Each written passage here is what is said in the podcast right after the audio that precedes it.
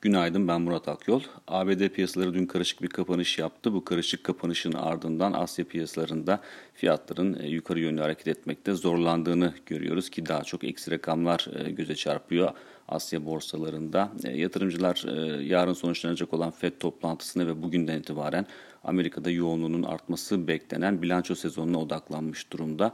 Ki bugün Amerika'da Dow Jones 30 endeksine dahil olan Microsoft, 3M ve Visa gibi şirketlerin bilançoları açıklanacak. Bunun yanında büyük ölçekli birçok şirkette bilançosunu bugün açıklayacak. Bu da e, bilanço bazlı hareketliliklerin e, Amerika'da e, yurt dışında piyasalara yön verebileceği bir gün olacağına işaret ediyor.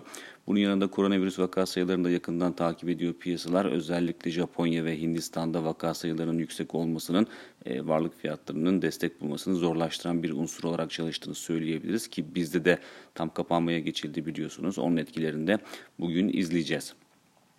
Endeks dün e, yurt içinde oldukça güçlü bir görünüm sergiledi ki Cuma günde zaten 1320 puandan geçen yaklaşık olarak e, 200 günlük hareketli ortalamasından destek bularak e, %1'lik bir yükseliş yaşamıştı BIST 100 endeksi. Dün de %2'nin üzerinde bir tepki e, gördük. Endeksin kısa vadeli görünümü özellikle 1365 seviyesinin üzerinde kalındıkça e, pozitif gibi görünüyor. Ancak e, büyük resmin anlamlı şekilde değiştiğini söyleyebilmemiz için e, 1420 puanın üzerinde kapanışlar yapılması gerektiğini düşünüyoruz.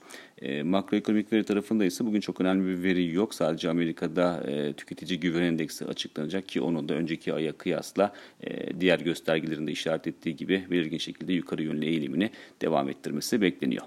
Bir sonraki podcast'te görüşmek üzere.